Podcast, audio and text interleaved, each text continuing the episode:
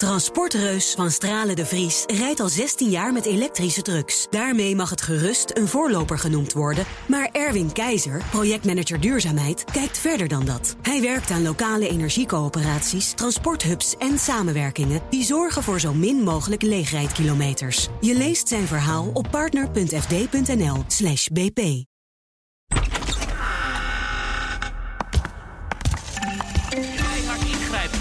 Eh, dingen. Ze zeiden, ja, dat, dat, daar wil ik audio van horen, dat is spannend. En toen stond ik live op Belusi en toen kwam dat, ja, maar toen kreeg ik wel een waterwerper op het dak. En, eh en Bram, ja, spannende radio! Je doen, dit is mooi! Toen ik, ja, gast, ik, ik heb die half in elkaar gebutst. Dat is je werk, Thomas. Ja, Clickbait. Geen perskaart, niks. Nou ja. Hey, Thomas. Thomas van Groningen. Laat ik je naam even aan het begin helemaal netjes zeggen. En ook meteen zeggen dat Sofie van Leeuwen hier in de studio zit. Dat ik Mark Beekhuis ben. Dat dit Nieuwsroom Den Haag is van vrijdag 29 januari. Maar Thomas, volgens mij stond een, eh, een stukje van jou... Nou nee, niet een stukje van jou. Een quoteje van jou in Le Figaro. Franse krant Ja, notabene. was- Oh, wauw. ongelooflijk trots. Ja, Ja. ik weet niet of je daar... Daar heb je eigenlijk helemaal niks aan. Maar ik had Tuurlijk. aan, eh, aan eh, premier Rutte gevraagd... vorige week tijdens, de, eh, tijdens de persconferentie na de ministerraad... over of hij al met Joe Biden gesproken had. BNR. Ja, meneer Rutte. Heeft u Joe Biden al gesproken sinds hij eh, president is? Nee, nee, nee. We hebben alleen nog met elkaar eh, brieven gestuurd aan elkaar. Ja. Ja. Gaat u, zat er wel een telefoongesprek gepland? Nee, nog niet, geloof ik. Nee, weet ik niet. Wat zou u hem willen vragen? Niks. Ik ga hem heel veel succes wensen. En eh, ik ken hem. Een paar keer ontmoet. En eh, ja, ik, ben, ik vind het een, eh, een heel blij dat hij president is. Ik, was, ik kon het ook goed vinden met zijn voorganger. Eh, maar ik ben ook heel blij dat Joe Biden president is. En ik zie zeer uit naar de samenwerking. En Nederland wil natuurlijk graag, ook met het vertrek van het Verenigd Koninkrijk uit de Europese Unie, een bijzondere rol spelen in die relatie met Amerika.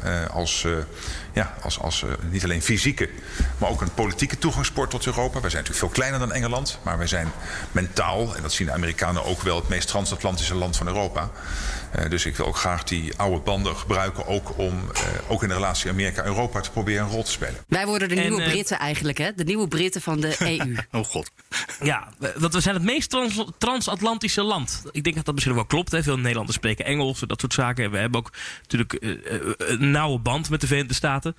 Maar eh, dat ligt blijkbaar in Frankrijk wel een beetje gevoelig. Want als je, ik heb het artikel van Le Figaro even vertaald. Mijn Frans is niet heel goed. Maar waar het op neerkomt is dat die Fransen zichzelf eigenlijk zien als...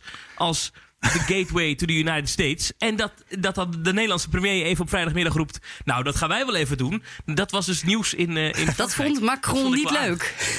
Oh, dus wij, Nou, wij is dachten dat we iets leuks hadden. Maar eigenlijk zaten we de Fransen een beetje in de weg. We zitten de Ja, Fransen oh, sowieso precies. in de weg. Hè. Dit gaat allemaal over KLM uiteindelijk. Oh, ja. Ruzie. Het is niet zo dat, eh, dat de Franse regering er al op had gereageerd, wat, eh, wat Rutte had gezegd. Maar Franse journalisten vonden het in ieder geval interessant genoeg om dit te melden. Ze vonden het in ieder geval interessanter dan de Nederlandse pers. Want in Nederland, ja, we hebben het op BNR gebracht. Verder Maar niemand. dat was het dan ook.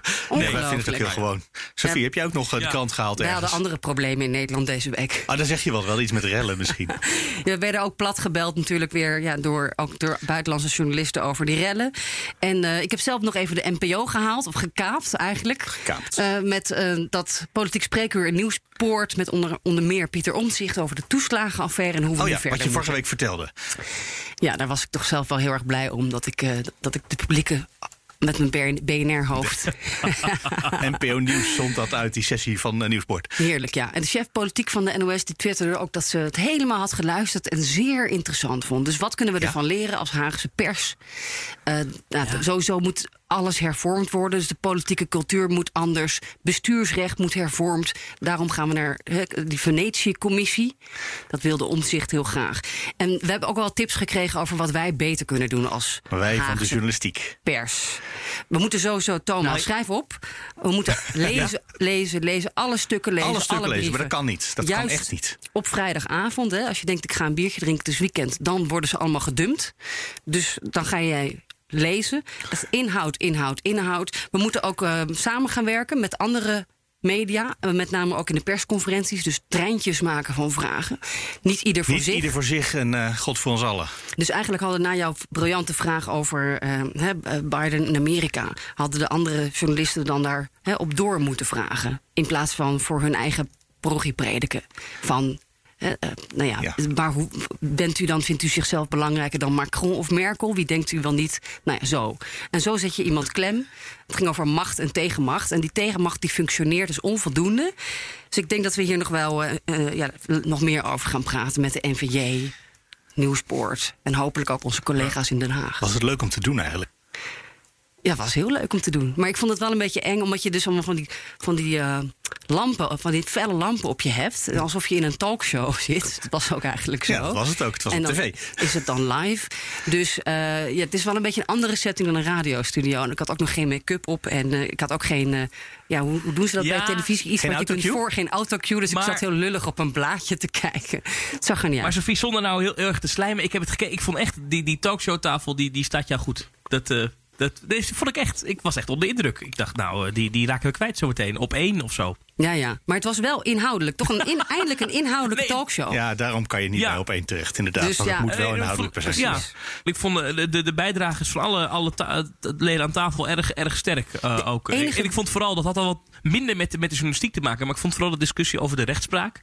Ehm, en over de rol van de rechtspraak in, in de toeslagenaffaire. Vond ik het erg interessant. Dat was al een beetje bekend, maar ik vond het wel aardig om wat uitgediept eh, te horen. En mensen dat kunnen dit allemaal gaan terugkijken, want die denken nu wat werd er dan gezegd over de, terug, over de rechtspraak. Staat allemaal op eh, nieuwsport.nl. Ja, en op YouTube. En op YouTube daar, ja.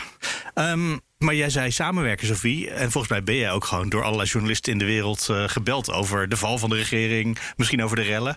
Dus dat, eh, dat gebeurt ook inmiddels al. Er is een soort van afspraak met eh, internationale journalisten of hè, buitenlandse onder elkaar. Ik ben ook correspondent geweest. Dat je dus elkaar helpt gratis eh, als de pleuris uitbreekt. En dat, dat gebeurt dan in zo'n week. Ook, eigenlijk gebeurt het continu. Nu in Nederland worden wij gebeld en iedereen vraagt: wat is hier aan de hand? Ik werd ook gebeld voor, toen, voor, de, voor de val van het kabinet. It's also symbolic to to resign and to tell to the citizens of the Netherlands, well, we will never treat you like this again. Ik kreeg gisteren te horen dat het ook een Afrikaanse journalist van mij bevriend in Ivoorkust, dat het ook op Frans 24 werd uitgezonden. dus heel Afrika was ik ook weer te zien. En dat heb ik dus nu ook deze week een keer teruggedaan met Bulgarije. Ik was dus op de Bulgaarse BNR, de nationale radio van Die heet Bulgarije. ook BNR. Die heet ook BNR. Oh, wat goed. En daar zit iemand die heet eh, Sylvia, eh, ik ben even de Patrovna of zo. En ik vroeg aan haar: oké, jullie staan onder aan die lijst met. eh, eh, eh, Oh ja, wij zijn traag met vaccineren, maar de Bulgaren, daar Wij trekken zijn- wij als op, want zij zijn nog trager. Wij zijn ene laatste. En wat gaat er mis bij jullie? A big reason for the still small number of people receiving the COVID 19 vaccine here is the disinformation and conspiracy theories, and as a result, the hesitancy among people about possible side effects, and that even microchips will be injected in their body. komt er eigenlijk op neer dat zij, als ze zo doorgaan, in 2040 klaar zijn met vaccineren. At this rate of vaccination, 70% of the population would be vaccinated in 2040. Dus dat moeten we ook even aan de jongen vragen, wat, wat dan onze eh, eh, nou, Ja, wanneer zijn wij klaar? Ja. is. Maar ja, ik denk niet dat hij met zijn optimisme, dat, hij dan, dat we dan die kant op gaan. 2040 en er, ja, er zijn dus geen vaccins. Nou, dat probleem hebben wij eigenlijk ook. Mhm. En er zijn heel veel mensen die zich niet durven te vaccineren. Dat hebben wij natuurlijk ook. Ja. Nadat je eerst eh, te woord had gestaan over onze val van onze regering, ben je ze andersom nog even wat vragen terug gaan stellen over wat ik, gaat er ja, daar mis. Nou, we hebben eigenlijk meer gemeen met Bulgarije dan je denkt. Want wij denken altijd in Nederland dat wij fantastisch zijn. En daar komen Dat we denken ze Bulgarije ook. de afgelopen tijd komen we dan achter dat dat, dat toch wel mee tegenvalt in deze coronacrisis. We hebben wel een oplossing in Bulgarije. Eh, ze gaan daar eh, vaccins, Sputnik uit, eh, uit Rusland gaan ze denk ik gebruiken. En misschien ook uit China. Dat durven wij hier Daar nog heeft Rutte al over gezegd dat hij dus niet weet van ja, eh, of dat nou wel zo verstandig is, dat Russische vaccin. Want we hebben daar toch te weinig informatie over. Ja, laat, laten, wij gevraagd, gewoon, kunnen we dat ook niet doen? Ja. laten wij gewoon afhankelijk blijven van Boris Johnson. Dat is ook een hele goede strategie. Wat een mes in de rug van de Europese Unie. Toch? Maar goed, Hugo de Jonge gaat weer een, eh, een moeilijk debat tegemoet, hè, Thomas. Volgende week, coronadebat. De messen worden geslepen. De messen worden geslepen. Het wordt echt wel uh, uh, lastig voor, voor de jongen. En er zijn dan twee dossiers die dan echt op zijn bord liggen... waar hij echt nog wel zwaar mee krijgt. Nou, eigenlijk drie. dossier 1 is natuurlijk gewoon überhaupt de vaccinatiestrategie. De, de, vertraging bij AstraZeneca. Wie prikken we als eerst? we hebben vanmorgen bij BNR gebracht dat de IC-artsen... of een aantal IC-artsen toch al felle kritiek heeft... op de volgorde die nu nog gehanteerd wordt. Nou, daar is... Dat, we eerst de, de bejaarden vaccineren, die uh, eigenlijk geen enkele oplossing bieden voor IC's, bedden. Precies, en het gaat allemaal ontzettend traag en stroperig en het is bureaucratisch. En dan, uh, als je drie kamers naast elkaar hebt in een verzorgingstehuis, dan komen er drie verschillende mensen dat prikken met drie verschillende vaccins. Het is een puinhoop. Dat is uh, één, één, dossier. Dossier 2 is het, het, de fantastische scoop van Daniel Verlaan van RTL over de datalekken bij de GGD. Dat was eigenlijk al een scoop vorig jaar van Nieuwsuur. En, dat, dat, probleem blijkt toen niet opgelost te zijn en nu nog veel groter te zijn. Hè. Medewerkers van de GGD die toegang hadden tot allerlei data uh, waar ze niet bij hoorden konden kunnen. En dat ook in sommige gevallen illegaal verhandeld hebben. En er was veel te weinig toezicht op en daar is van alles misgegaan. En daarover afgelopen week de jongen in het vragenuurtje antwoorden gaf. Waarvan journalisten nu zeggen en ook experts zeggen: wat jij zegt klopt niet. Uh, je staat eigenlijk uit je nek te zwetsen. Gisteravond zei Daniel Verlaan zelfs bij Jinek, sorry dat ik haar weer aanhaal, maar ja, ik kan er niks aan doen. Zei hij, als je het niet weet, moet je je bek houden. Dat zei een RTL-journalist over een minister. Zo. In veel gevallen zou ik zeggen, dat moet je niet zeggen. Maar in dit geval, je ziet gewoon de passie bij, bij die journalist die het echt aan het hart gaat, dit verhaal. Dat is een dossier wat ook in de Kamer heel serieus genomen wordt. Uh, de Kamer is verkeerd geïnformeerd. Oh, zeker. Ja. ja, de Kamer is, is op dit dossier echt door de jongen, dat kunnen we eigenlijk al wel stellen, verkeerd geïnformeerd. Uh, en dat is, heeft te maken niet, het is niet dat hij dat expres deed, denk ik. Want dat gebeurt natuurlijk ook wel eens, dat er iets achtergehouden wordt. Dat hebben we in de afgelopen jaren meegemaakt. Ja. Maar ik ben echt stellig van overtuigd dat de man geen idee heeft waar hij het over, over had op dinsdag tijdens het vraaguur. Ja, daar is echt wel een serieus probleem. Hè? Kijk, als de, de, de man die leiding geeft aan deze operatie blijkbaar niet goed weet welke systemen er gebruikt worden en hoe die beveiligd zijn, al is hij daar maar één keer over gebriefd, dan zou hij dat beter weten dan wat hij nu verkondigde afgelopen week. En dat is toch wel tekenend voor dit probleem. En dan is er nog uh, uh, een, een, een, een, derde probleem. Dat is dat überhaupt de coronamaatregelen, los van vaccins en dingen, daar, daar gaat de jongen in theorie ook nog steeds over. Hè? Um, en daar is ook nog wel wat, wat kritiek op. Hè? Waarom hebben we de avondklokken, waarom niet? Weet je, dat, dat, waarom doen we dit, waarom doen we dat wel? hoe lang gaan we de scholen nog dicht houden? Dus kortom, dat zijn drie loodzware dossiers. Waar deze minister komende week een verhaal bij moet gaan hebben. En ik vraag me af, Sofie, ik weet niet hoe jij dat inschat, maar ik vraag me af of deze minister in staat is om het tij nog te keren. Want dit is wel. Dit stapelt wel heel snel op nu. Nou, eh, wat ik hoor is dat het vertrouwen in hem steeds verder daalt in de Tweede Kamer. Met name omdat men hem, wordt verweten dat hij eigenlijk arrogant is. Hij weet het allemaal zo goed. Hij stond er ook bij de plenaire zaal, bij de journalisten, weer eh, op zijn vanouds met bravoure en zijn vrolijke schoenen aan. En, het is alsof het niet tot hem doordringt of dat hij zelf niet doorvraagt bij zijn ambtenaren. En ja, hij kan dan wel weer beterschap beloven volgende week.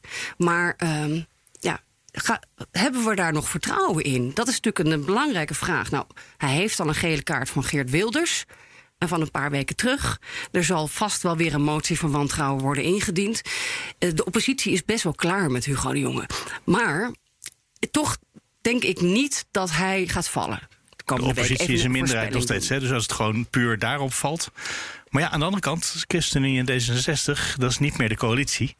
Nee, de die hoeven niet meer mee te gaan. De coalitie, die, uh, dat hebben we deze week gezien, die die is eigenlijk kapot. Hè? Die is er niet meer sinds de val van het kabinet.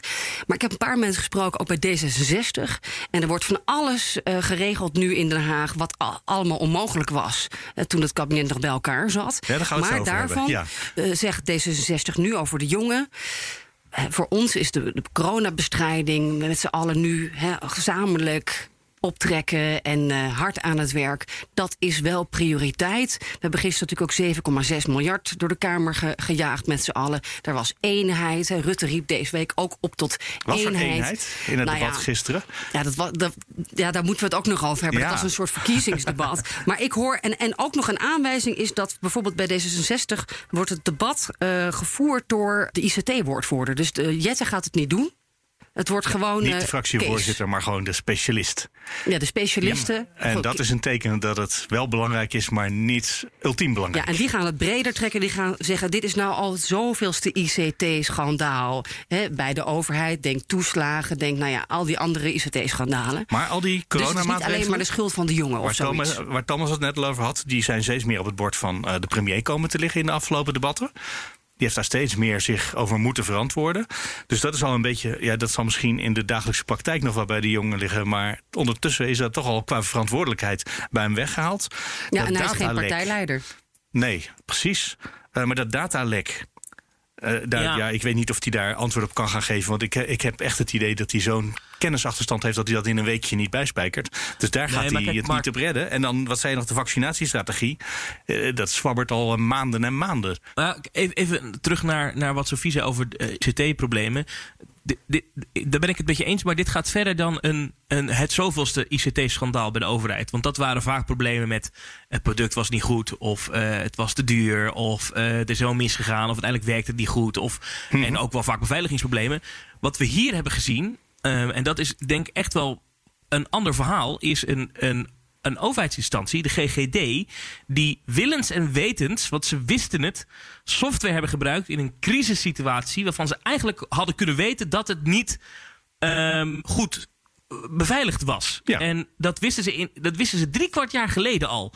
En eh, het waren journalisten die eind vorig jaar daar overal aan de bel trokken. Toen werd er niks mee gedaan. En dat het nu dan Daniel Verlaan is. Die dat, ja, ik vind het echt heel, heel ben bijna jaloers op hem, hoe goed hij die verhalen onder de aandacht kan brengen. Die dat heel goed eh, ontrafelt hoe dat, hoe dat in elkaar zit. En dat daar echt serieuze misstanden zijn. Dat is wel echt iets anders. Want dan hebben we het echt te maken met. Ja, misschien is het een beetje een grof woord, maar dan heb je het bijna te maken met wanbestuur. Want je hebt dan een organisatie die signalen krijgt over er is iets mis, maar daar niks mee doet.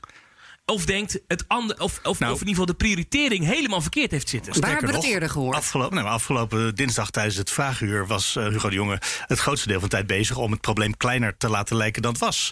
Door het te hebben over Ja. screenshots, terwijl er hele grote databases gewoon geëxporteerd zijn, wat echt iets een hele andere orde is.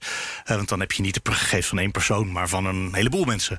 Of eh, door het te hebben over ja, alle mensen die dat nodig hebben, die kunnen daar natuurlijk bij. En dan achteraf, als iemand een beetje doorvraagt, zegt ja, in de praktijk zijn dat dus 8000 mensen. De minister.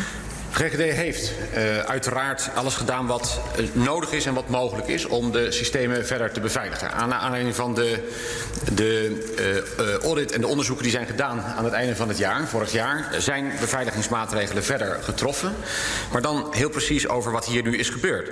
Het gaat hier over mensen waarschijnlijk die doelbewust een criminele daad hebben gepleegd. Dus doelbewust gegevens hebben gekopieerd die in het systeem aanwezig zijn en daarmee uh, handel hebben gedreven. Dat is wat hier aan de orde is. Hè. Dus het gaat niet zozeer over een systeembeveiliging as such, als, als wel om gedragingen die, die hebben geleid tot gewoon iets wat je zou kunnen noemen gewoon een, een criminele daad is, een misdrijf is. Kortom, alles wordt gedaan om te zorgen dat het zo veilig mogelijk is. Maar uiteindelijk is tegen dit type misdaad natuurlijk ook gewoon geen kruid gewassen. op alle opzichten is het groter dan de, de minister het deed lijken. En het feit dat hij er op die manier over sprak, daarom zei ik... ik denk niet dat hij binnen een weekje bijgespijkerd krijgt... Uh, wat een flauwekul die heeft Nee. uitgekraamd. Ja, maar jij zei ook in Nee, een app gisteren... jij denkt dat het exit Hugo de Jonge is. Nou, het zou, ik, laat ik het nu anders formuleren. Het zou mij terecht lijken. Gegeven de reactie, maar je moet de man geloof ik altijd nog een uh, tweede kans geven.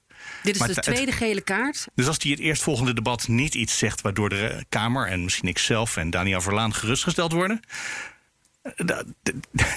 Dan zie ik, nou, dan weet ik niet of ik naar de GGD ga. Voor een Nou, keer een test nou- als het nodig is. Dat is ook een interessante. Sophie, la- la- laat ik hem anders zeggen, Sophie. We hebben het bij- de toeslagaffaire vaak gehoord. Als dit niet groot genoeg is om een kabinet op te laten vallen, wat dan wel? Je zou bij dit kunnen zeggen, als dit niet groot genoeg is om voor, voor politieke consequenties, wat dan wel? Want we hebben het hier over de data van mogelijk miljoenen mensen die gestolen wordt. En dat had de overheid kunnen voorkomen. Dat, ze wisten het. En dan kan je zeggen, moet het dan een minister zijn? We kunnen ook eens kijken naar de positie van André Rauwvoet als voorzitter van de GGD's. Eh, want ja, daar, daar, ik kan me haast niet voorstellen dat dit zonder politieke consequenties blijft. Dat Iedere letter die je leest over dit schandaal maakt het weer iets groter. We hebben in ieder geval wel een potentiële eh, vervanger. Dat is natuurlijk Ernst Kuipers. Hè? Dat van Oh, die staat in de, in de Erasmus, coulissen al klaar, MC. inderdaad. Ja. Goed, Ehm, spannende week dus ja, weer. Nee, volgende en week. eh, als je, wat jij zei net, Jinek, dan zal ik eh, Nieuwsuur weer even noemen. Eh, bij Nieuwsuur hadden ze natuurlijk de autoriteit persoonsgegevens ook nog even op de korrel, omdat die ook niet hebben ingegrepen. Dus eh, er zijn, het, het lijkt een beetje op de kindertoeslagenaffaire dat iedereen verantwoordelijk is bij de overheid. ja, het is de hele En, tijd en dit, hetzelfde dit haakt mooi aan op, op de, de, de avond, de, de, de, de, de politieke spreekuur wat Sofie eerder deze week had. Waarin de boodschap was dat journalisten beter moeten samenwerken. Ik vind dat dat hier in de praktijk best goed gebeurt. Hè. Nieuwsuur had vorig jaar dat verhaal. RTL neemt het nu over. Vervolgens stellen andere media, waaronder wij, maar ook NRC. eh, die stellen dan weer vragen aan de minister over. Waardoor dat balletje wel blijft rollen. Dus in de praktijk gebeurt dat al bij dit soort situaties. Oh, jij gaat waarschijnlijk, Thomas, vanmiddag naar eh, de, eh, de minister-president voor zijn wekelijks gesprek. Zou het nou kunnen zijn dat jullie van tevoren even in een scrum bij elkaar komen, hier met z'n allen afspreken? De vraag die wij vandaag moeten beantwoorden is. Wat gaan we, gedo- gaan we doen met het datalek? Hoe gaan we bijvoorbeeld al die mensen die hun eh, burgerservice nummer eh, besmet is, omdat het nu bekend is ergens in een database, eh, die zou eigenlijk een nieuw nummer moeten krijgen. Waarschijnlijk willen ze hun identiteitsfraude voorkomen. Gaan jullie nou met z'n vier of vijf proberen daar achter elkaar vragen over te stellen, denk je? Nee. Eh, maar wat, wat, wat, wat, nee, nee, we, hebben veel geleerd van vrij- Sofie, ik- maar dit al niet. Nou, Nee, dat- maar waarom ik niet vrij eigenlijk? nieuw daar natuurlijk. Maar wat, wat, wat denk ik wel in de praktijk zal gebeuren... is dit is natuurlijk een verhaal wat RTL nu heeft. Hè. Dus ik Ja. vermoed even dat een RTL-journalist eh, de bal daar aftrapt. en ik kan me wel voorstellen dat als dat geen bevredigend antwoord oplevert... dat andere journalisten daar wel op doorgaan. Dit is, dit is, je merkt dat hier... Dat, dat, dat, dit, dit, dit is iets, hier hebben mensen beet. Dus dit, dit gaat wel... Ik denk wel dat, het- dat dit zonder afspraken al gaat gebeuren. Dat wordt een treintje, ja. Oké, nou succes daarmee. En er zijn ook nog wel andere dingen die we willen weten van de minister-president. Dus, maar, Echt waar? In deze week van de rellen wil je het over iets anders hebben dan een datalek? Nou, volgende week gaat het weer over de avondklok en de scholen. En wat we daarmee gaan doen. Hè, er staat ons weer nou, een daar heb ik nog wel persconferentie te vragen over, wachten. ja. Over de scholen? Daar heb ik nog... Ja. Ik, ik hoor trouwens geen, nog geen hele positieve witte rooksignalen... dat we met z'n allen de boel opengooien volgende week. Dat, dat lijkt me, zoals het er nu uitziet, nog niet heel waarschijnlijk. Maar we wachten op... Juist eh, bij, de in, eh, bij de inloop van de ministerraad, ik heb even de livestream zitten kijken. Eh Tamara van Ark die kwam daar al met, met, met, met een heel somber bericht dat de situatie nog steeds nijpend is en de cijfers nog steeds veel te hoog zijn. En echt alle hoopgevende signalen op dat er versoepelingen mogelijk zijn, die werden daar even patsboom eh, uit, uit het hoofd van de journalist die de vraag stelde eh, geslagen. Dus ik, ik vermoed dat het ziet er inderdaad niet heel positief uit. Er zijn twee dingen aan de hand, hè, want we zitten eigenlijk nog steeds te wachten op een zichtbare exponentiële groei in die cijfers van de Britse variant. Dus eh, dat, dat extra besmettings eh, 1,3R, eh, dat is er al. Misschien zijn het nu 20% van de besmettingen die Britse variant zijn. Maar de grote ja, eh, stijgende lijn, die wordt natuurlijk pas echt zichtbaar als hè, straks 50% van de besmettingen Britse variant is. Of meer. Daar wachten ze op. En het is er, je ziet het niet. Twee, eh, het is bijna carnaval. Vakantie in Zuid-Nederland. Al die scholen gaan sowieso dicht na volgende week. Ik kan me voorstellen dat ze daar echt geen zin hebben in gedoe voor één weekje open gaan. Eh, überhaupt als leraren nog naar school durven, want die worden niet gevaccineerd. Daar zit heel veel tegenstand, ook in de sector. Vergeet niet dat het de onderwijssector was die in de eerste golf, hè, de, de, de bonden en zo, de scholen wilde sluiten. Het was niet de politiek, het was het veld dat eh, zich verzette. Ja, en je zegt dus eigenlijk met Ja. één week extra sluiting van scholen... hebben we in een groot stuk van het land meteen al drie weken extra sluiting. Dat is gewoon winst, dat is gewoon Ja, bijna dus gratis. dat, eh, eh, die krijg je bijna voor niks, ja. Voor het kabinet. Dus dat is, daar moeten we sowieso Ja. van uitgaan. ja, en dan En heb je die week daarna ook vakantie in Noord-Nederland. Ik ik sprak afgelopen weken inderdaad iemand die, die in het bestuur zit van een eh, hele grote scholengemeenschap waar heel veel basisscholen bij horen. En toen vroeg ik het ook van ja, nou ja, heropenen. Jullie willen dat toch graag op 8 februari? Ik nou, dat, dat willen we helemaal niet. En dat, dat, beeld ontstaat misschien dat, dat het onderwijs staat te springen om weer te heropenen. En natuurlijk balen wij van de situatie, zei hij dan. Hè. En daar vallen best wel wat, basisscholen onder. Ehm, maar eh, hij zei, als ik nu open zou moeten, dan kan dat gewoon niet. A, er zijn nog leraren ziek en besmet. B, er zijn gewoon heel veel leraren die het niet durven. Die het echt eng vinden om weer in een volle klas te zitten. Zeker na alle berichten die ze hebben gehoord over hoe besmettelijk die Britse variant wel niet is. Of die Zuid-Afrikaanse. En juist of die. Braziliaanse. Ja, dus dat is wel een probleem. Weet je? Dus, dus het li- het lijkt ook in de Kamer, hè, de Partij voor de Arbeid bijvoorbeeld, die, die echt wel heeft aan hameren. Ook bij het laatste coronadebat op die scholen moeten open. Want eh, de, de leerachterstanden worden te groot. En dat is natuurlijk wel zo. Maar het onderwijsveld zelf is daar veel verdeelder over dan dat we nu denken. Er is wel een grote lobby. Ik krijg ook mails van de GGZ, de geestelijke gezondheidszorg. Grote problemen met kinderen, echt drama's. Uh, kindermishandeling, echt toestanden bij, bij mensen thuis. Uh, door die lockdown, ja. omdat kinderen niet naar school mogen. Dus er is ook wel echt een, een, maatschappelijke druk om ze absoluut wel open te gooien. Want sommige kinderen gaan eraan kapot. En ja, dus dat is de tragische context van en dit verhaal. Ik hoorde net onze minister van Economische Zaken. Ik ben zijn naam nog even kwijt, want die is nieuw. Het Woud. Of van, Wout. Van, van, van, het Woud. Van het Woud, ja, nou, precies. Ik moet zijn naam even opschrijven. Dus, dus uh, Van het Woud, onze nieuwe minister van Economische Zaken, zeggen dat hij heel fijn zou vinden als de kinderen het huis uitgaan en daarna zichzelf corrigeerden. Maar dat was volgens mij niet per uh, dat hij zijn kinderen goed onderwijs uh, gunde. Er zaten gisteren drie ministers, de drie W's, inclusief de nieuwe, nieuwe w, w ja. van het Woud, in, in de plenaire zaal, die allemaal jonge vaders zijn. En daar ging het ook echt even over. Van ja, we zitten hier niet voor onszelf. Het ging ook over corona-verlof. Ja. Ja. Alsof zij dus hè, met z'n allen het wel even zouden regelen. Maar dat deden ze dus niet. Wel 7,6 miljard, maar geen uh, scholen open of geen coronaverlof betaald voor ouders. Geen, uh, ja, helaas, dat zat er niet in. Maar Sofie, hoe vond je eigenlijk dat hij het deed uh, van het Woud? Zijn eerste debat als, als minister? Nou, de recensies waren niet slecht, hoorde ik in de wandelgangen. Hij deed het echt wel Oh. voorleerd. Hij veegde eigenlijk alle argumenten van tafel waarom hij nog meer, nog meer geld zou moeten uitgeven. Want Ja, we doen al Kamer zoveel. kwamen, alle, kwamen allemaal verzoeken van zo'n beetje alle fracties van kan u hier toch niet iets extra's voor regelen? Ja, er kwam wel ietsjes. De starters, hè, de krijgen, die, die eerder zijn begonnen, twee, eind 2019, die krijgen nu ook steun, staatssteun.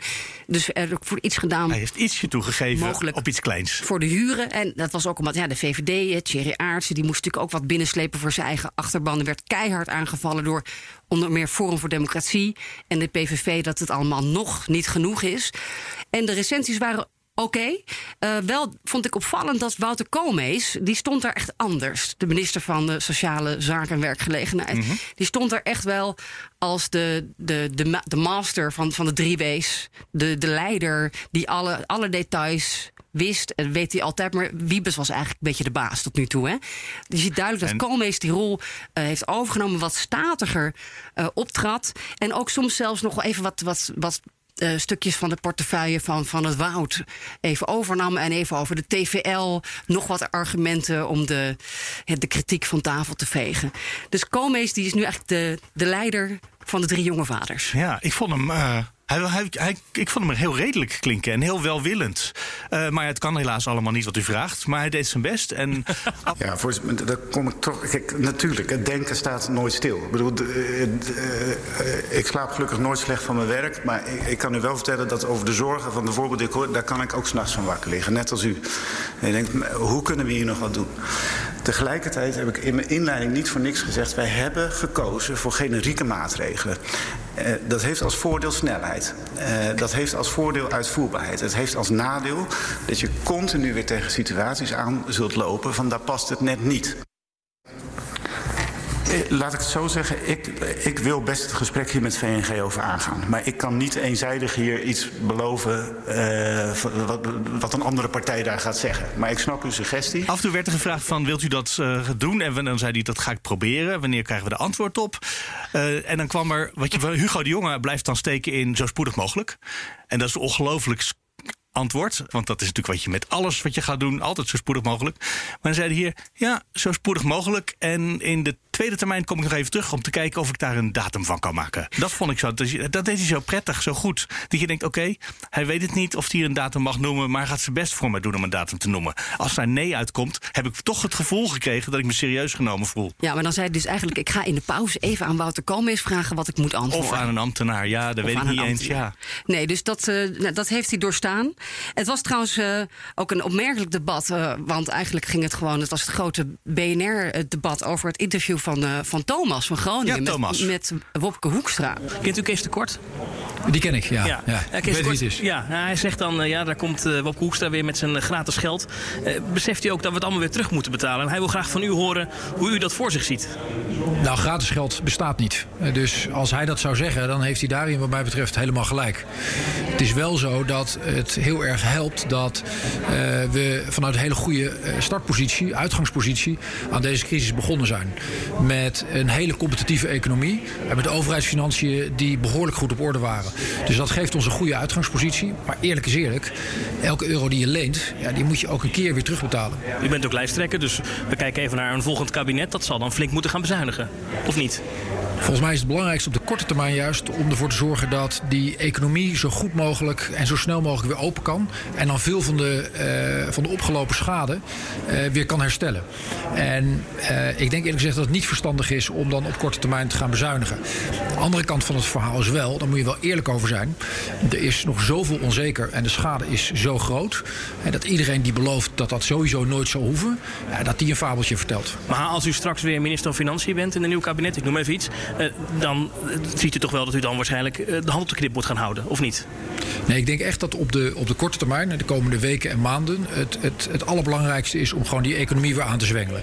Dat is belangrijk voor de economie, is belangrijk voor alle mensen in het land, uh, voor alle ondernemers in het land.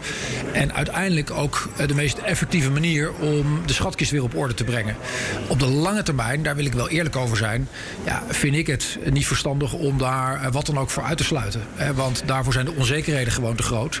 En is het ook belangrijk dat je nou ja, zo meteen de rekening niet helemaal doorduwt naar de volgende generatie. Hoe voelt dat als je een heel debat naar je hand zet als journalist? Ja, ja dat vond ik wel leuk, ja. We hebben genoten. Nou, ik moet zeggen dat het ook komt door, door de geweldige tip van uh, Sofie. Ik had vrijdag, dus dat was een week geleden vandaag alweer, een gesprekje opgenomen met, met Hoekstra na de ministerraad over over die, die ruim 7 miljard aan uh, steunmaatregelen. Uh, over Kees Kort, hè? Ja, en toen had ik kent u Kees de Kort, hè? onze eigen BNR Kees de Kort. Want die zegt altijd, gratis geld bestaat niet en je moet het ooit terugbetalen. En we hebben straks een gigantisch probleem, want dan moeten we de hand op de knip gaan houden. Nou, dan kom je met een consultant, die snapt dat wel. Ja, en nou, inderdaad, dus ik zag in zijn hoofd de, de McKinsey flowchart voorbij komen. En, um, maar maar hij, hij, hij, wilde daar natuurlijk geen antwoord op geven, want dat is natuurlijk gevoelig. Dus ik ook nog een beetje van, nou ja, maar u bent ook lijsttrekker, hè? De kans is best groot dat u terugkeert als minister van Financiën straks in een nieuw kabinet. Ja, CDA's houden van zuinigheid. Ja, daar houdt, houdt het CDA ja. van. En, en, toen zag ik hem, en, en toen maakte hij er eerst iets van, van ja, iedereen die zegt dat bezuinigen onnodig is, die vertelt een fabeltje. Toen dacht ik, dat is één. Toen dacht ik, ik moet toch nog even doorvragen. En toen, de, de, bijna journalistieke doodzonde, sluit u het uit? Nee, ik, ik, sluit het niet uit. Ja, en toen hebben we daar toch, uh, dat hebben we even op de plank laten liggen. Dan hebben we de dag van dit debat, s ochtends, hebben we dit uitgezonden. En dat heeft onze webredactie dan de kop van gemaakt. Dat, ja, dat Hoekstra dus bezuinigingen niet uitsluit. En soms heb je geluk als journalist. En uh, de Partij van de Arbeid die, die pakte dat mooi op. Als we een minister van Financiën hebben die nu al op de radio aankondigt dat de zakken leeg zijn. Hoe moeten we uit deze crisis komen? Is dat investeren, zoals de Partij van de Arbeid voorstaat, en meerdere partijen? Of moeten we toch gaan bezuinigen wat de heer Hoekstra vanmorgen tegen BNR vertelde? Dat was in ieder geval wel het beeld wat wij kregen op basis van um, zijn verhaal bij BNR. En dat is volgens mij niet het beeld wat we in deze tijd nodig hebben. En die gingen ermee aan de haal van hier komt de aap uit de mouw en uh, zie je wel het CDA wil gaan bezuinigen straks. Henk Nijboer ging ja. helemaal los op Twitter. En dat werd echt een bom onder het debat. En ook SP en GroenLinks, de hele linkse oppositie gaf Hoekstra ervan langs. Oh, u geeft 7,6 miljard uit. Nee, u, u wil bezuinigen. Dat, sloeg eigenlijk helemaal nergens op natuurlijk. Want dit ging gewoon over okay. de, Dus heb je eigenlijk... zakken ooit. Nou, maar dan, dan gaan we de vraag anders formuleren. Heb je dus eigenlijk gewoon een serieus debat verstoord met dat interview? Omdat er nu ineens over bezuinigen gesproken moest worden, terwijl het daar helemaal niet over ging. Nou, laat ik het zo zeggen. Ik heb wel uh, een bepaald vorm van politiek opportunisme gevoed. Maar dat heb ik onbewust gedaan. Maar dat, dat ben ik het wel met je eens. Dat, dat, dat is wel gebeurd hier. Maar ja, dit of, was dus de waan nou van de dag. weet ik niet. Dit was toch weer de waan van de dag. Hè? En terwijl die arme ja, kermis-exploitanten... Ja, precies. Ja, dan zit jij met je sessie met het spreekuur. Ja. Uh, geleerd dat we niet te veel in de waan van de dag moeten kijken. Stukken moeten lezen. En dan gebeurt er dit. Ja, vervolgens, um, vervolgens gaf Hoekstra de, de linkse oppositie ervan langs... met ook een fantastische CDA-campagne taal. En het was Trumpiaans, hè, wat de oppositie deed. Want die verdraaide ons verhaal. Ze hadden alleen maar de kop gelezen. Alsof die wilden bezuinigen naar de verkiezingen. Uh, maar er werd ook flink uh, natuurlijk geduwd van... ja, maar wanneer gaat u dan? Kunt u, kunt u garanderen dat u in het volgende kabinet niet gaat bezuinigen? Ja, dat kon hij natuurlijk niet. Nee, en dan moet nog eerst even de regeerakkoord gesloten worden. Trouwens, hij moet de verkiezingen nog een beetje winnen. En vervolgens kreeg de PvdA ervan langs dat zij in het vorige kabinet toch wel gigantisch hebben bezuinigd in Rutte 2. Voorzitter, ik heb de excuses van de heer Smulders over het alleen lezen van de kop heb ik aanvaard. Ehm, wat, wat betreft zijn vraag ben ik volgens mij net glashelder geweest. Ik denk dat dat te vroeg is om te zeggen. De heer Van Dijk die, eh, heb ik eigenlijk zo verstaan dat hij nog één keer zijn excuses wilde aanbieden voor alle bezuinigingen uit de vorige kabinetsperiode. Ehm, en eh, voorzitter, dat begrijp ik. Eh, ik ben het overigens ook met hem eens dat het beleid van dit kabinet op dat punt eh, verstandig, verstandig en misschien wel verstandiger is. Nou ja, goed. Het woord verkiezingselixer kwam meerdere malen voorbij. En uiteindelijk was het een mooie campagne voor het CDA, die natuurlijk graag een zuinige minister hè, eh, op de poster hebben staan. En een mooie campagne voor de linkse oppositie, die zeggen: we moeten ons eh, de crisis uit investeren. D66 ook. Onderwijs, u wilt bezuinigen op onderwijs, zei Steven van Wijnberg. Maar uiteindelijk was het gewoon een lachertje. Iedereen was gewoon in een lacherige sfeer. Eh, grappen aan het maken over 17 maart. Het is eigenlijk net als het debat over de rellen van van de week met eh, Geert Wilders. Er was heel veel spektakel, heel veel vuurwerk. Het ging helemaal nergens over. Nee, dat ging over inderdaad dat we het leger moeten inzetten Ja, eh, dat- tegen en de rellen die al waren doen. opgehouden bijna. Laat het leger bij grootschalige rellen, alleen bij grootschalige rellen, laat het leger de politie bijstaan, onze straten waar nodig schoonvegen, de orde in Nederland herstellen. Ik denk, voorzitter, dat uiteindelijk die saamhorigheid tussen Kamer en kabinet vandaag nog het allerbelangrijkste is. Alle Nederlanders, alle mensen die deze live-uitzending volgen, verwachten die, samen, die saamhorigheid van ons. En volkomen terecht. Geweld tegen de politie is onaanvaardbaar. Van andermans eigendom, van andermans bedrijf, blijf je af. En vertegenwoordigers van de pers laat je met rust. Die moeten hun werk kunnen doen in dienst van onze democratie. Dat is de essentie van waar we gezamenlijk voor staan. En vervolgens eh, ja, ging, was de vraag dus... wie is de issue owner, owner van law and order? Daar hebben we het deze week eerder over gehad. En nou, dat is dus niet de VVD, niet het CDA, maar de PVV. ja. Dan moet je op PVV stemmen. Dan moet je het leger inzetten. Als je echt hard wil optreden tegen crimineel geweld. Wat ik het opmerkelijkste vond aan dat debat eigenlijk is niet wat er in dat debat gebeurde, maar wat er tijdens dat debat gebeurde. Ehm, dus we zitten te kijken naar een, een debat over het inzetten van het leger om die rellen eh, eh, ja, eh, aan te pakken. Vervolgens is, is in dat moment in Nederland de waan van de dag is Maaike, de mevrouw die een Primera winkel heeft in Den Bosch. En die is kort en klein gemapt, die winkel. En, en daar heeft heel veel schade van. En, en dat vindt iedereen zielig. Die vrouw die ging huilen bij de NOS op tv, geloof ik. En, nou, en allemaal heel verdrietig. Dat is op dat moment de waan van de dag. En wat gebeurt er dan tijdens dat debat? Ik vond dat echt opmerkelijk. Maar dat is echt, volgens mij, politiek heel goed doordacht. Terwijl Wilders daar zijn punt zat te maken dat leger moet komen, komt er een brief eh, en komt er informatie naar de pers vanuit het ministerie van Financiën, Hoekstra, die niet aanwezig was daar trouwens, dat er een schadefonds komt voor dit soort ondernemers. Eh, waardoor eigenlijk de media hup, gekaapt werd en het allemaal weer ging over we gaan die ondernemers helpen. En het niet meer ging over het punt van, eh, van Wilders. Ja, en het interessante was dus dat uiteindelijk... eh, ik begreep dat de woordvoerder van Hoekstra persen wilde... dat dan Hoekstra op camera dat zou aankondigen... en niet Grapperhaus dat dat fonds er zou komen. Gewoon extra scorepunten voor, voor de minister van Financiën van het CDA. Of de lijsttrekker eigenlijk. Oh, ja. Oh, zal ik hem niet eens bekeken, ja. Dat was één Ja. ding. Ja. En ik merk ook dat woordvoerders ontzettend er bovenop zitten. Dat hoor ik van meerdere journalisten. Eh, heel erg interveneren, ons opbellen. eh, eh, proberen dingen toch een beetje te schuiven... en het beeld een beetje te bewerken. Zijn dat woordvoerders van partijen of van ministers? Nou, van het ministeries? interessante is dat dat woordvoerders zijn op ministeries. Dus de overheid wordt ingezet om campagne te voeren voor individuele politici. Nou, daar lijkt het een beetje op. En Oh, je moet gisteren iets ook harder maken om het zo te kunnen zeggen in de podcast, vind ik, Sophie. Gisteren werd, ook, eh, werd echt ook mannenmacht ingezet. eh, toen wij het verhaal dat eh, Hoekstra zou willen bezuinigen, mogelijk ooit in de Mhm. toekomst. Om dat toch even af te zwakken. Zo van dat het echt wel heel erg mogelijk ooit in de toekomst zou zijn. En niet al in het volgende kabinet.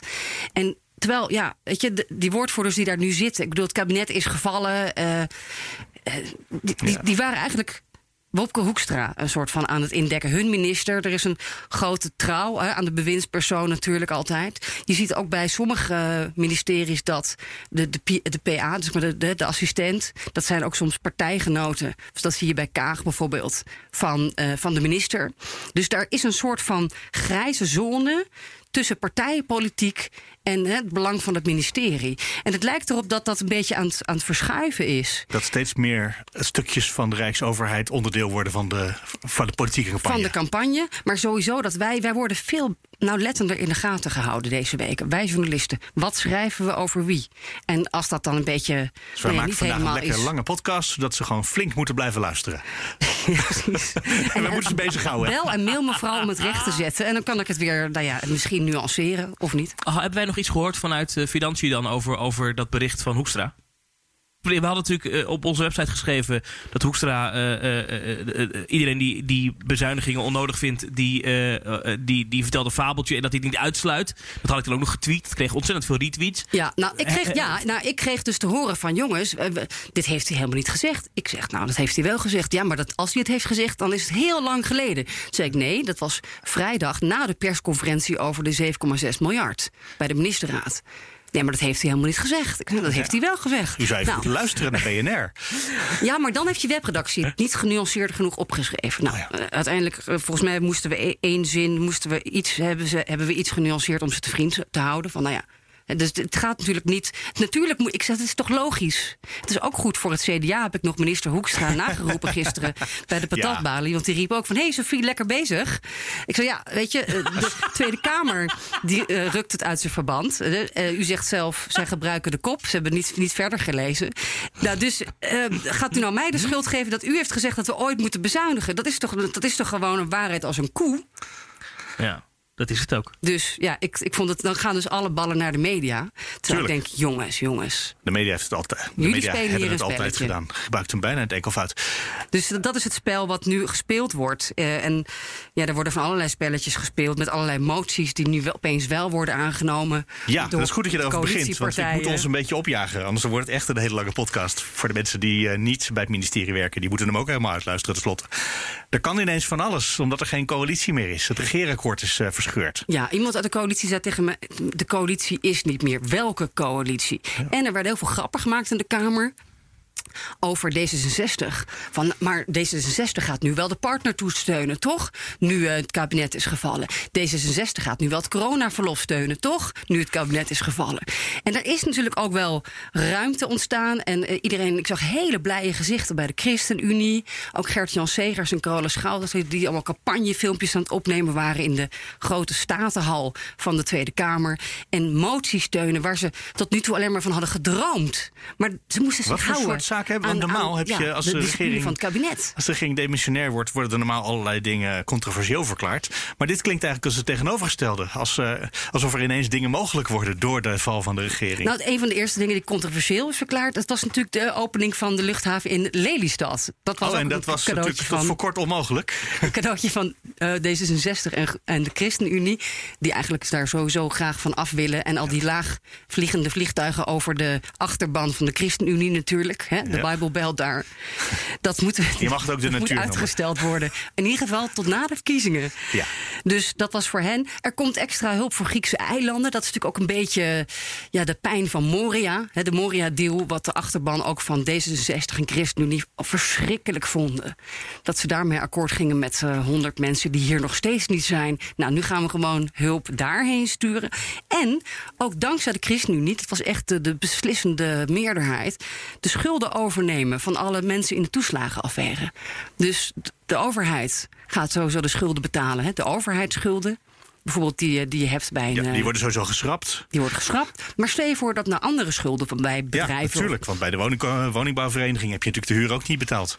Stel je voor dat die anderen dan niet uh, mee willen doen. Dan nou, moet ook van de ChristenUnie nu... Uh, moeten wij met z'n allen hiervoor gaan betalen. Zeer terecht. Nou, dat is uh, fantastisch voor hen, voor hun achterban. De zorg salarissen. Dat is misschien de opmerkelijkste motie. Gaan die, deze gaan die eindelijk omhoog? Krijgt de SP waar ze al twee jaar voor strijden? Ja, en Wilders en uh, Marijn en, is inderdaad. Ja, ook.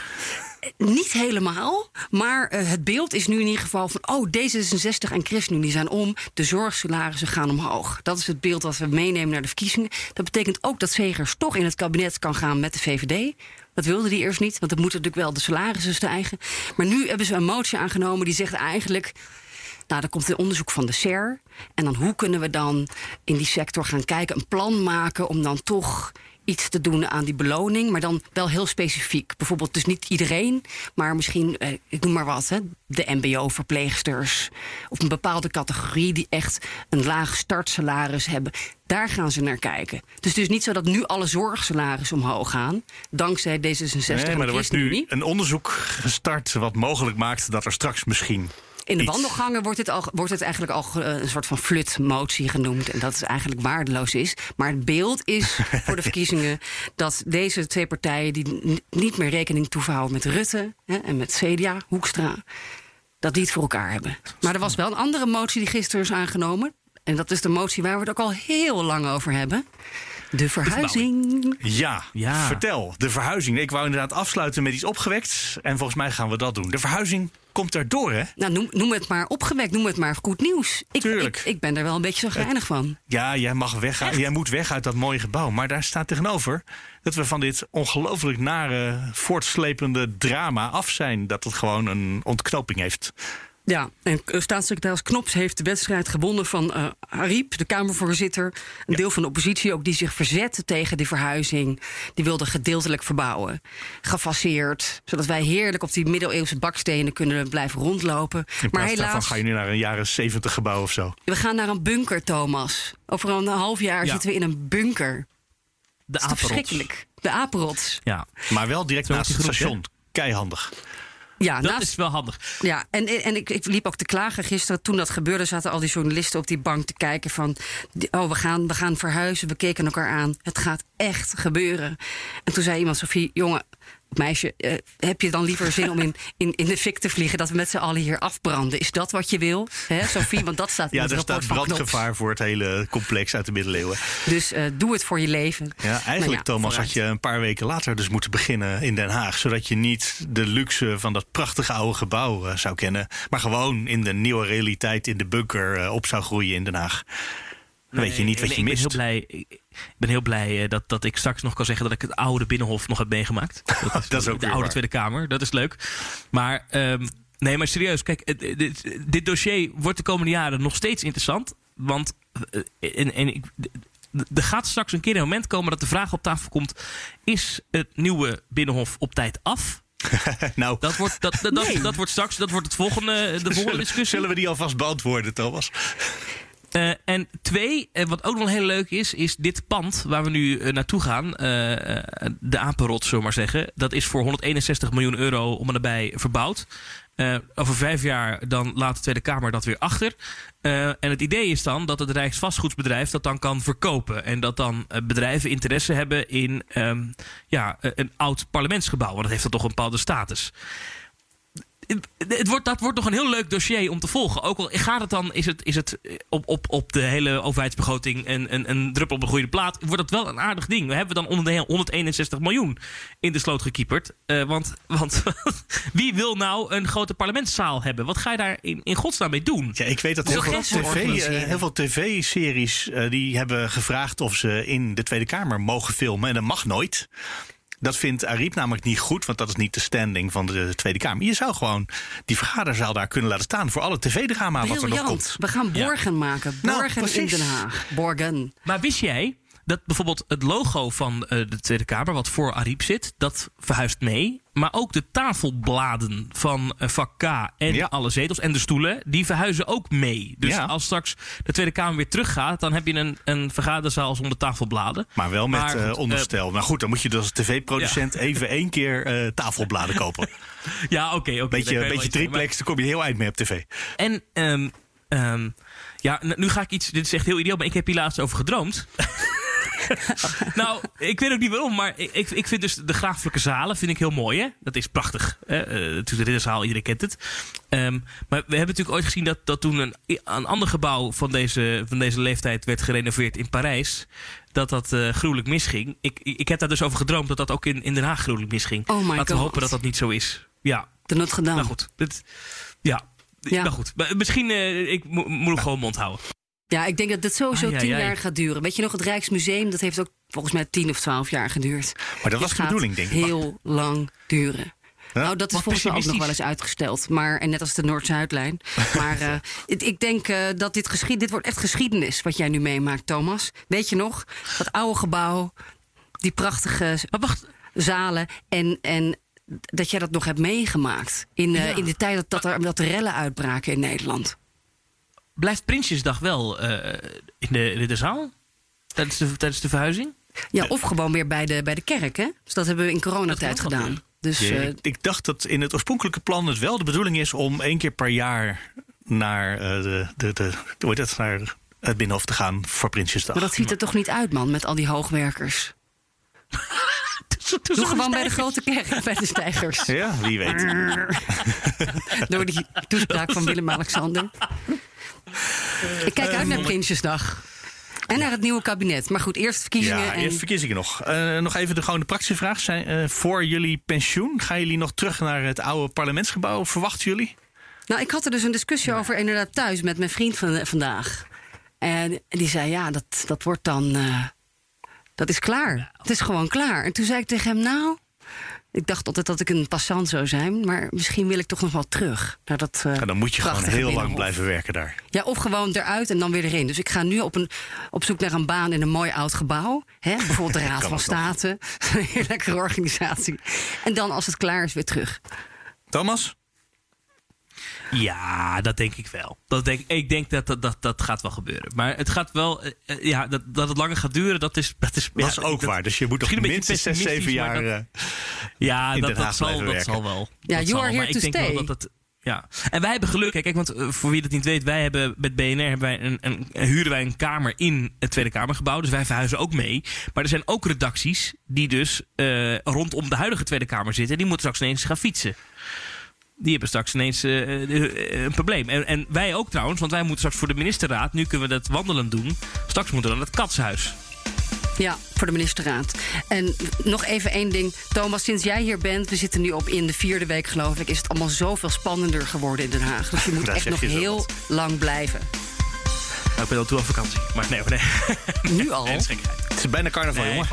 Geniet ervan. Oh, ja. Volgens mij gaan we voor vandaag eh, afronden. En dan zeg ik tegen iedereen... Dank voor het luisteren. Je kan altijd reageren. Dat vinden we altijd heel fijn. En eh, vaak mail ik ook terug. Als je niet elke dag mailt, probeer ik dat zeker. Ehm, naar nieuwsroom.bnr.nl of nieuwsroom.fd.nl. En de show notes vind je op bnr.nl slash nieuwsroom of bnr.nl slash nieuwsroom Den Haag. Tot volgende week. Tot volgende week. Tot volgende week.